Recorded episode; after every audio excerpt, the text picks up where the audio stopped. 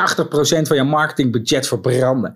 Nou krijg je een enkele ondernemer die daar niet wakker van zou liggen. Dus stel je bent 100 euro aan het investeren en 80 euro is eigenlijk direct weg.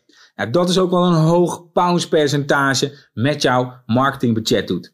In deze woensdag gemakdag aflevering laat ik je zien en leg ik uit wat überhaupt een bounce rate is, dus een bounce percentage. En met welke simpele, makkelijk toe te passen technieken je enorme stappen kunt zetten in het verlagen van die bounce rate. Wat is überhaupt bounce rate? Nou, bounce rate is eigenlijk niets meer het percentage dat jouw website bezoekt. Die komt binnen op pagina A en verlaat zonder door te klikken naar pagina B direct jouw website weer. Je kunt je voorstellen dat ik bezoekers naar jouw pagina heb gestuurd en zonder dat zij een vervolgstap hebben gemaakt, direct jouw website weer verlaten, dat het een verspilling is van die bezoeker. Zorg dus dat jij allereerst nadenkt met welke intentie jij mensen op jouw pagina wil krijgen. Wat is het doel van jouw pagina en naar welke vervolgstap wil je ze sturen? En met welke intentie zoekt jouw zoeker? Stel, ik ben een fietsband aan het plakken en ik ben aan het googlen hoe moet ik een fietsband plakken. Zorg dan dat je direct de belangrijkste content bovenaan plaatst. Ik wil direct zien dat ik alle informatie heb. Dus geef een inhoudsopgave of een bulletlijstje van uh, ik heb andere stappenplannen voor je video's, uh, afbeeldingen, gereedschappen die je nodig hebt, allerlei tips, etc. Zorg dat ik in een paar letters kom meteen, bam, ik zit op de juiste plek. Denk dan vervolgens na over de lettertype grootte. Heel makkelijk toe te voegen, vraag het je webdesign of pas het zelf aan. Wat doe je? Werk niet meer met een lettertype van 12 of 13, maar experimenteer eens waar voor jou de perfecte grootte is. Ik durf te garanderen dat wanneer je met een grote lettertype gaat werken, dat dat impact heeft op je bounce rate. Een hele grote kans dat dat een positieve impact heeft. Werk dus met een minimale grootte van 14 en experimenteer tot hoe ver je moet gaan. Het kan best zo zijn dat als je naar een lettertype grootte van 15 of 16 gaat, dat je zo je bounce rate halveert. Nou, dat is een makkelijke, snelle quick win geldt hetzelfde voor de breedte. Werk niet met de volledige breedte, hoe mooi dat er ook uitziet.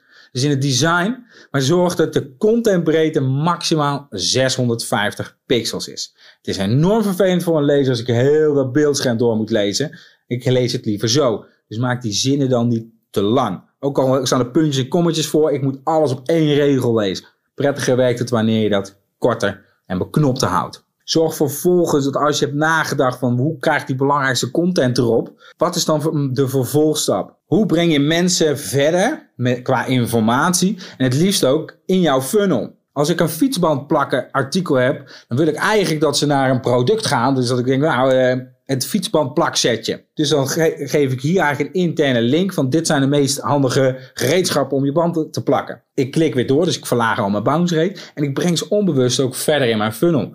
Want in het tweede artikel heb ik het ook over het complete fietsbandplaksetje.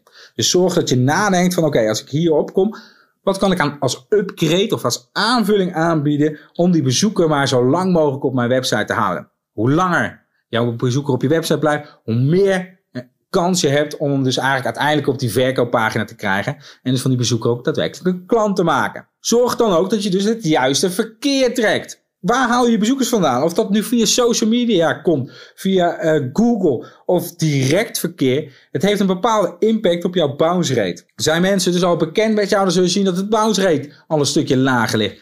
Heb ik nog nooit van jou gehoord? En zit ik op de wc of ergens op de bus te wachten, lekker door Facebook te scrollen en ik kom jouw social media bericht tegen, dan haal je mij uit mijn aandachts- of ontspanmomentje en vervolgens presenteer je mij een artikel.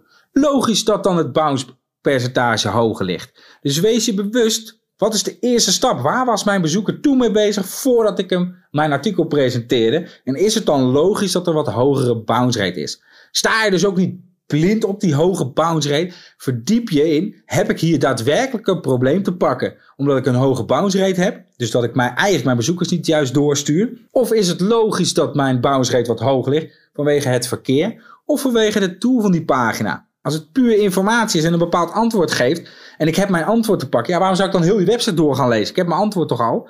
Dus wees je bewust. Wat is het eigenlijk voor het soort content? Dus wat bied ik aan? En via welk kanaal komt het binnen? Denk dan vervolgens over het gebruiksgemak. Zorg voor de juiste opmaak en de kopjes en bullet points. Maar denk ook na, hoe kan ik dit gebruiksvriendelijker maken? Moet ik met een accordeon gaan werken? Moet ik met een inhoudsopgave met van die springlinkjes, met van die scrolllinkjes gaan werken? Moet ik de juiste afbeeldingen? Moet ik eh, in een afbeelding van die hotspots laten zien? Denk eens na als jij je niet zou hoeven tegenhouden door de techniek, wat je dan zou kunnen toevoegen aan die pagina om hem nog gebruiksvriendelijker te maken. Toon bijvoorbeeld niet de rekenformule, maar zet er gewoon een rekencalculatortje op. Er zijn talloze plugins gemaakt die dit kunnen realiseren zonder dat jij die technische kennis nodig hebt. Zorg vervolgens voor de juiste leesbaarheid. Hoe leuk bepaalde lettertypes ook zijn, zorg dat het gewoon makkelijk en rustig te lezen is. En ik durf te garanderen, als je dit soort tips gaat toepassen, dat je aanzienlijk jouw bounce rate verder zult laten zakken. En hoe lager die bounce rate, hoe langer je bezoekers op je website blijven en doorklikken. En hoe groter jouw kans gaat zijn dat je dus van die bezoeker uiteindelijk een klant gaat maken. Vind je dit waardevolle tips? Dan raad ik aan om je te abonneren op de woensdag gemakdag. Dan krijg je elke woensdag talloze tips en nieuwe technieken eh, van mij. Heb je vragen, opmerkingen? Laat het even weten in de reacties. Ik ben sowieso benieuwd. Wat is op dit moment jouw bounce rate? En met welke tips en technieken ga jij testen? En deel vervolgens ook de resultaten. We worden er immers allemaal beter van. Ga ermee aan de slag. Veel succes met het verlagen van die bounce rate. En ik zie je bij de volgende aflevering.